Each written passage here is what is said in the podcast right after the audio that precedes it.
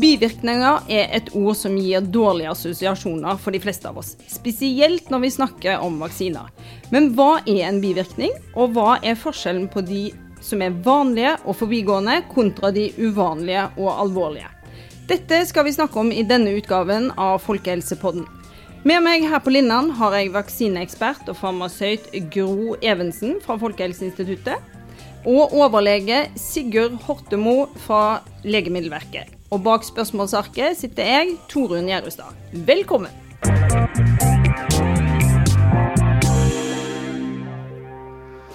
Vi deler da som sagt eh, bivirkninger inn i to hovedkategorier. Det er da de vanlige og forbigående, og de uvanlige og alvorlige. Og det er jo ganske stor forskjell på de to variantene. Og da liksom lurer jeg litt på hvorfor har man litt sånn to sånne kategorier, Gro?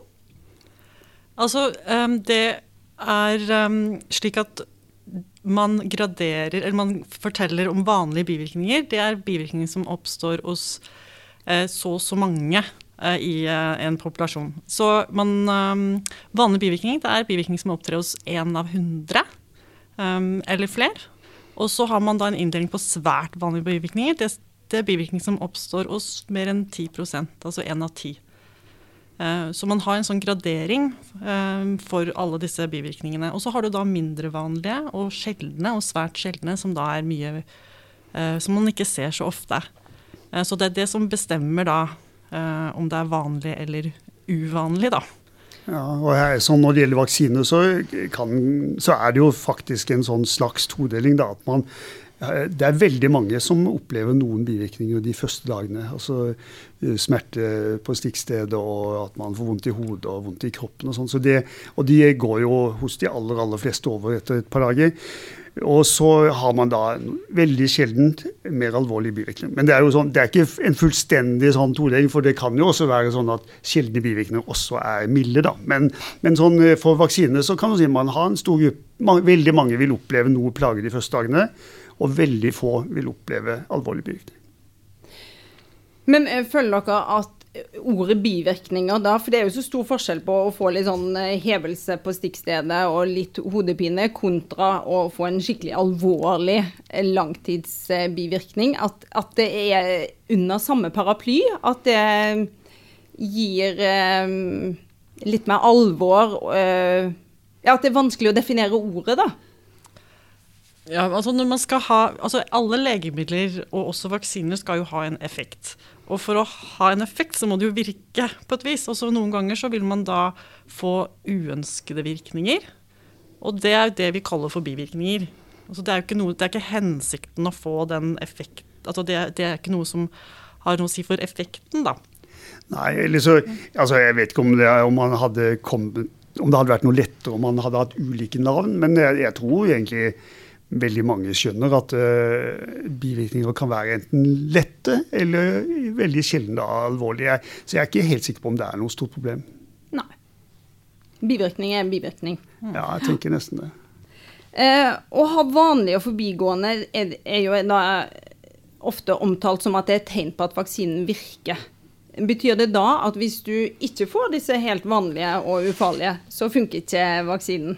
Nei, jeg, jeg hører kanskje det er de som er litt tvilende til å si det at, det, at du får bivirkninger sånn de første dagene er et uttrykk for at vaksinen virker. Altså Det er jo et uttrykk eh, for at kroppen eh, mobiliserer til forsvar, men, men det er ikke sånn at de som ikke får bivirkninger, ikke har effekt, og omvendt. da. Så det, eh, altså det er, Disse bivirkningene er uttrykk for at kroppen lage et forsvar, men, men, man kan ikke si at uh, hvor mye plage du får, avgjør hvor, hvor godt vaksinen virker. Sånn er det overhodet ikke.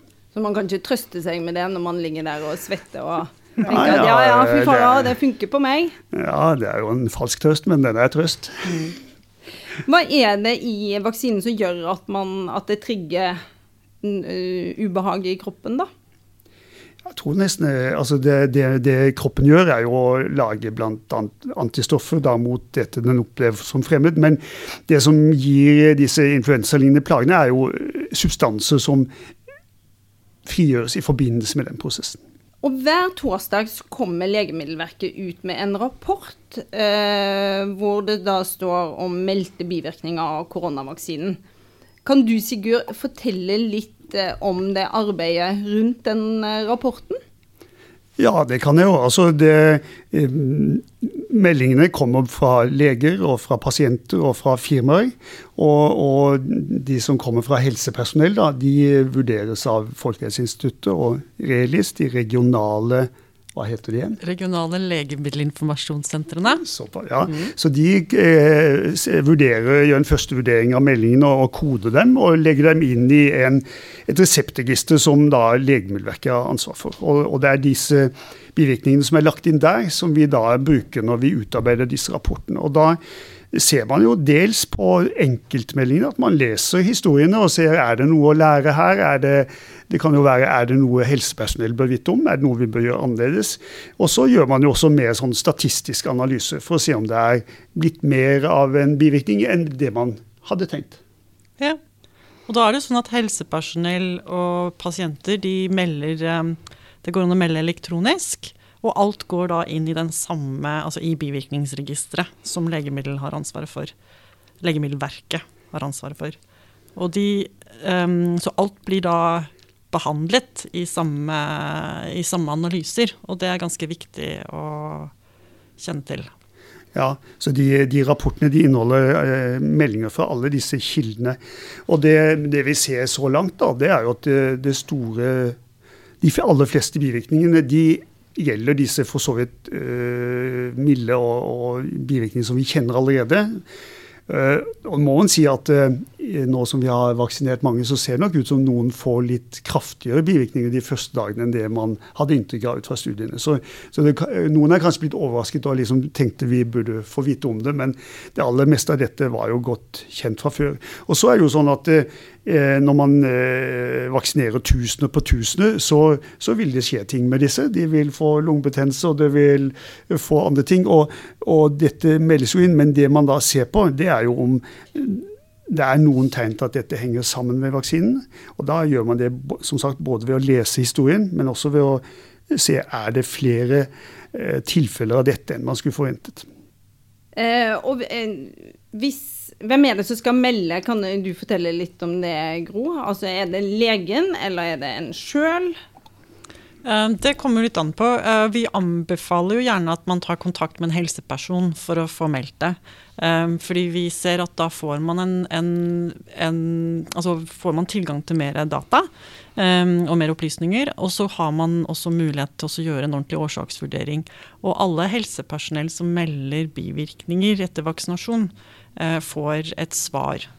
nå er det jo sånn at akkurat under denne koronavaksinasjonspandemien så, så, får vi såpass mange meldinger. Vi kan ikke svare ut lite alvorlige og kjente meldinger, sånn som altså hodepine og utmattelse og feber som man egentlig kan, og lokale reaksjoner som man kan forvente eh, etter, eh, etter, vaksinasjon med disse vaksinene. Eh, mens for alle alvorlige meldinger så vil melder, altså den helsepersonen, få et skriftlig svar med en vurdering av, hva den hendelsen har gått i, og, og hva man tenker om årsakssammenheng. Men hvis eh, man, får, man, får, jo et skriv når man har fått eh, en vaksine, eh, spesifikt eh, for den vaksinen man har fått, og der står det jo da de vanlige bivirkningene. Og hvis man da får noen av de, da trenger man ikke å gjøre noe. Men hvis man får noe som er noe annet Ja, noe uventet. Altså, det, mye av det som er kjent fra før, er da Det står det om i pakningsvedlegget og i mm. preparatomtalen. Så, så, så, man vet at over halvparten vil få hodepine etter disse vaksinene. 80% får lokale reaksjoner. Så det har veldig liten nytteverdi. Egentlig, at det, det, øker ikke kunnskapen. Vi får ikke noe ny kunnskap om disse vaksinene eh, om det blir meldt. Det vi er opptatt av, er uventede hendelser som man tror kan ha sammenheng med vaksinen, og også alvorlige hendelser. Og Da er det f.eks. en livstruende hendelse. En allergisk, alvorlig allergisk reaksjon, da, anafylaktisk reaksjon, vil, vil, jo være livstruende hvis du ikke gir adrenalin. Um, det er veldig sjeldent, uh, men, men, det er viktig at sånne type hendelser blir meldt. Ja, og det, det med alvorlig allergisk hendelse er jo et godt eksempel på hva man kan få ut av denne overvåkingen vi driver med etterpå. For det var i veldig liten grad sett i de studiene som var gjennomført. Mm. Så der må man si vi har fått ny kunnskap. Disse allergiske reaksjonene er litt hyppigere enn det man trodde.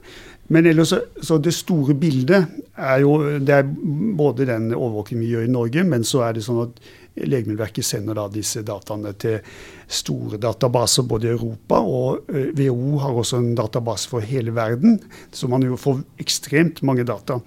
Og i tillegg så leverer firmaene månedlige rapporter over de bivirkningene som har kommet. Og det, det vi kan si da på bakgrunn av dette, det er at hovedbildet etter at det er satt titalls millioner doser, det er jo at bivirkningen ser ut til å være i veldig stor grad sånn som de var beskrevet etter studiene. Så det er det gode. Det er, det er dette med eh, allergiske reaksjoner er det, det, viktigste unntaket. Så er det gjort noen små justeringer i preparatomtalen. Eh, litt sånn rundt eh, Noen får litt søvnvansker, og, så, og kvalme og Nei, oppkast og diaré er også kommet med på listen. Og vanlige. Ja. ja. Men er, når dere sier at det er mange av de vanlige, er det da mer enn f.eks. influensavaksine som mange i de anbefalte gruppene er vant med å ta? Ja, for det er nettopp det at det, det er jo veldig Vi kaller det sånn reaktogene vaksiner. Altså de gir kraftige reaksjoner eh, hos den vaksinerte. Eh, og det er mye kraftigere reaksjoner enn vi er vant til fra andre vaksiner, og i hvert fall fra influensavaksine. Eh, så det er nok mange som har blitt overrasket over hvor utmattet og, og altså, hvor dårlig de kan føle seg én til to dager etter vaksinasjon. Vi har jo sett at det er ganske, Når man vaksinerer friske, unge helsepersonell, så er det jo faktisk ganske mange som er sykemeldt en dag eller to. Ja, og de kan få så kraftige bivirkninger at de faktisk må være hjemme fra jobb.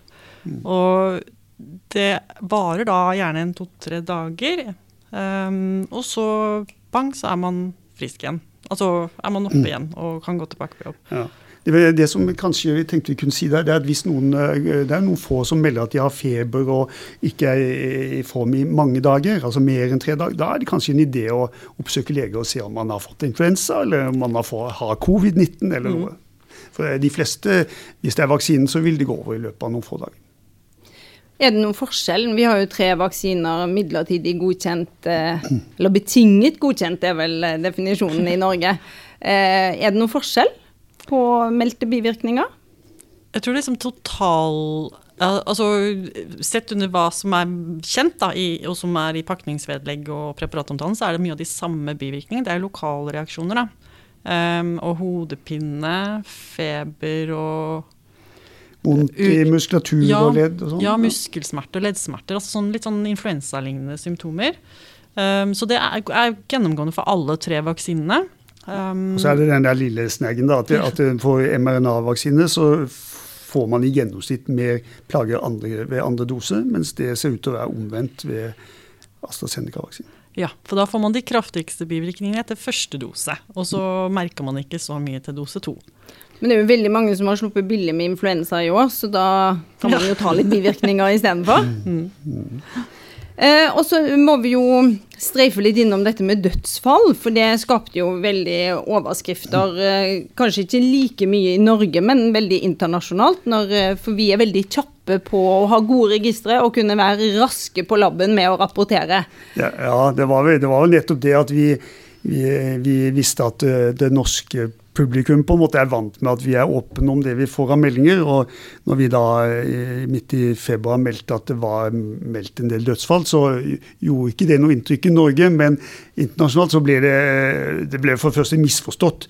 Og at, at vi mente at det var en årsakssammenheng mellom vaksinene og, og disse dødsfallene. Men, men som vi nå har fortalt mange ganger, så er det jo sånn at vi startet med å vaksinere de aller eldste med skrøpelighet. Og, og, da vet vi at det er mange som dør. Det, var, det, er jo mer enn 300 som dør hver uke i norske sykehjem. Så vi visste at det ville komme mange dødsfall. Så, eh, det, så det eneste vi liksom eh, satte et lite spørsmålstegn ved, det var om man kan, kunne tenke seg at disse eh, for så vidt milde og ufarlige bivirkninger, som, men som da slår ut en ung, frisk sykepleier, kanskje kunne også tippe situasjonen for en gammel med skrøpelighet. Så det men eh, det er riktig at det skapte mye overskrifter. Men, men, de seriøse mediene som New York Times og CNN og sånn hadde veldig gode reportasjer rundt dette og skjønte det.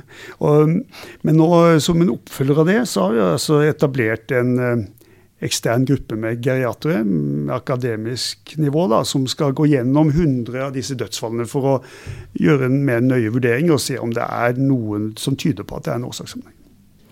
Ja, og der, der, har jo vi fått litt sånne spørsmål om skal disse obduseres? At det, eh, folk får veldig sånn krimhatten på. At da vet man at da må man virkelig sjekke alt for neida, å finne neida, ut? De, de vil basere seg på de uh, opplysningene som uh, foreligger.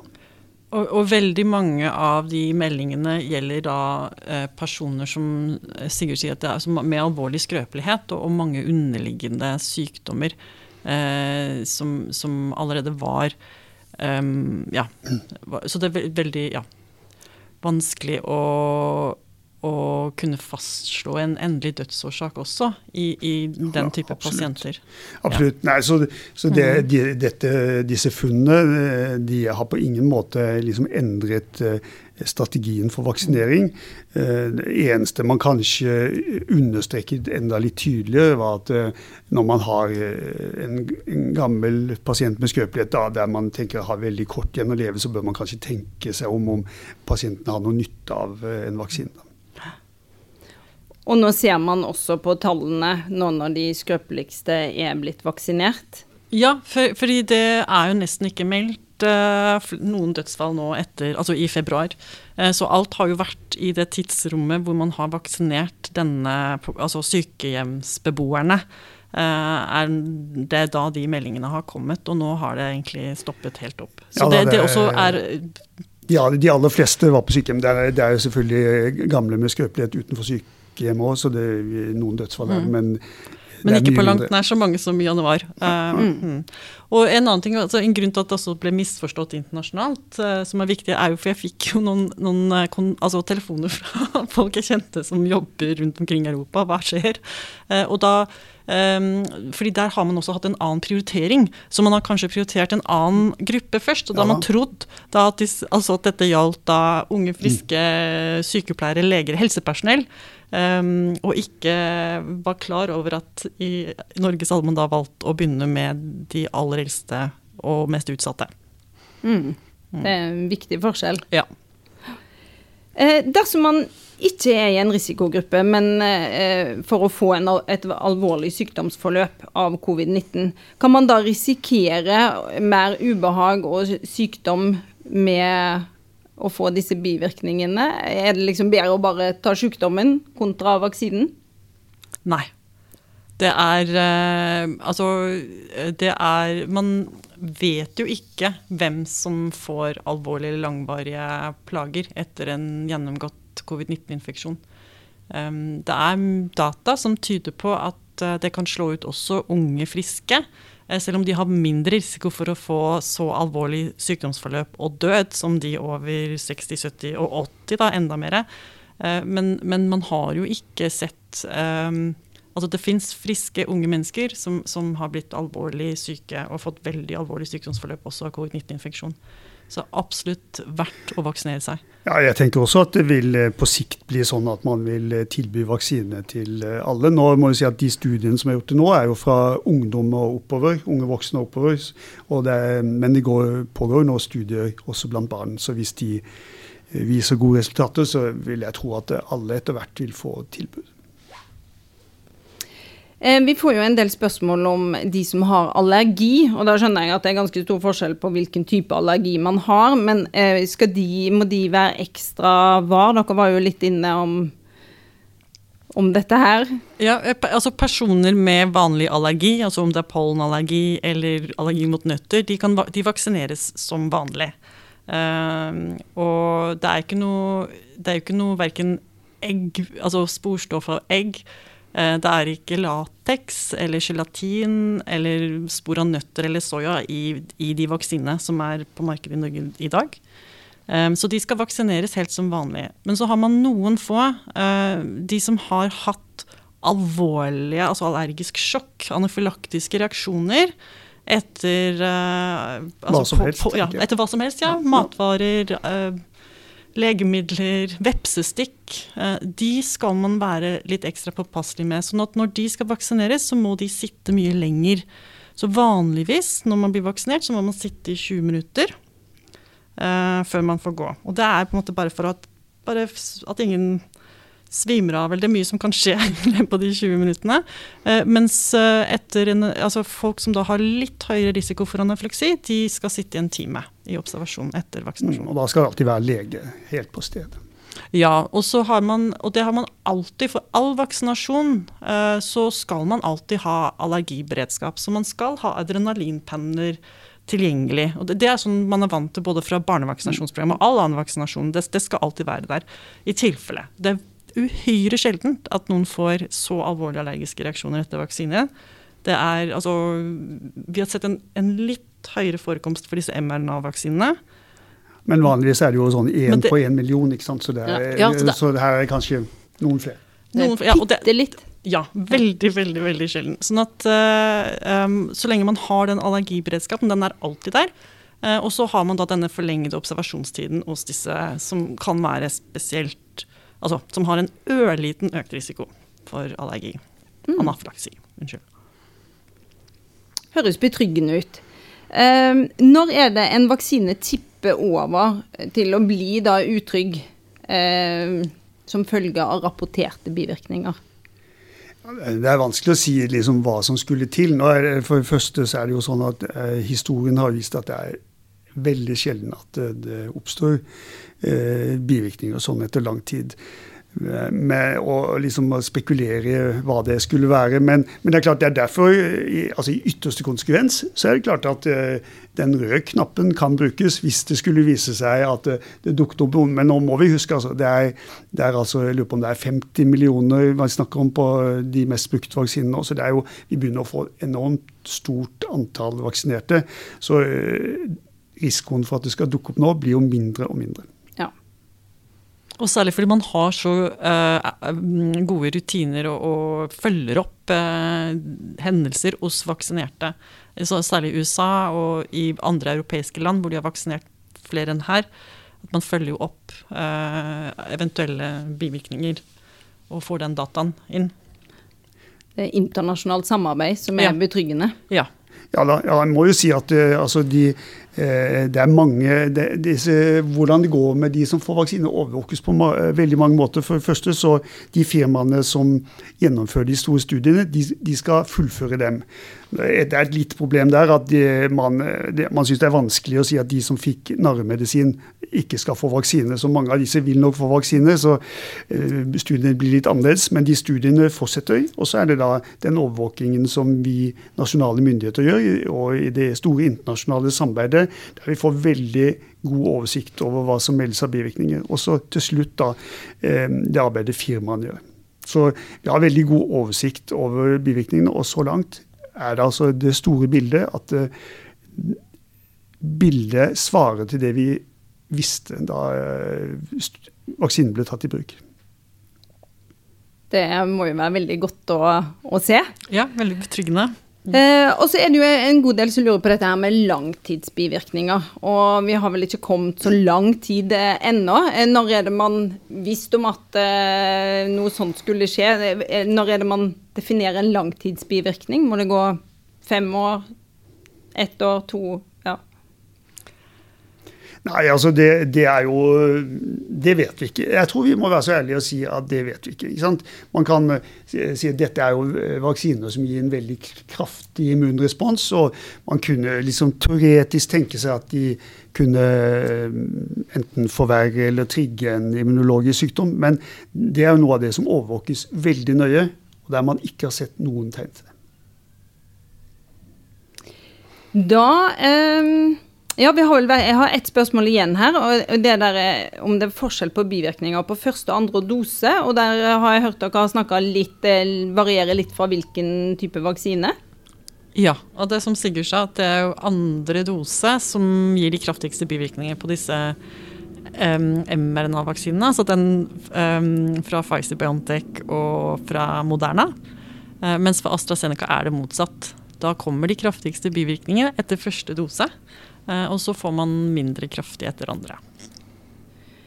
Er det noe annet dere tenker i, under paraplyen bivirkninger som vi bør opplyse om? Så er sjansen nå. Ja, nei, altså, et, på Legemiddelverket så har vi jo på en måte inngått en kontrakt med befolkningen. Da, at vi skal være åpne om det vi finner og de meldingene vi får. og Det var det som skapte da uro i resten av verden, som ikke var vant med dette. Men det er, det er vårt prinsipp, altså at vi legger ut da, hver uke de meldingene vi har fått. I denne rapporten. I denne rapporten. Og det er hver er det torsdag? Eh, det er hver torsdag, ja. ja. Så, så, vi tenker at det, det, er vårt bidrag til å, å, å gi trygghet. Da, eller eh, at vi, vi, er åpne om det vi finner. Og så langt så har man jo ikke funnet tegn til alvorlige bivirkninger. Verken her eller internasjonalt, som gir eh, eh noen grunn til å være bekymret. Um, så det eneste vi har sett, er disse alvorlige allergiske reaksjonene som man ikke kjente fra studiene. Så det er viktig også å huske på at eh, Men der har man da en god rutine med at man skal sitte igjen, ja. og denne adrenalinpennen Adrenalinpennen. Ja. Mm. Nei, men dette syns jeg var en veldig beroligende og betryggende samtale. Så da vil jeg si tusen takk til Gro og Sigurd for oppklarende og gode bivirkningsord. Og så må vi jo, eh, i tillegg til den rapporten som dere har kommet ut med, så ligger det jo også veldig mye god informasjon både på foi.no og på Legemiddelverket sine nettsider om hvordan vaksiner blir godkjent, og bivirkninger, og ja, det meste man måtte lure på, og det meste man vet på nåværende tidspunkt. Så da tror jeg vi sier tusen takk. Ja, takk. takk.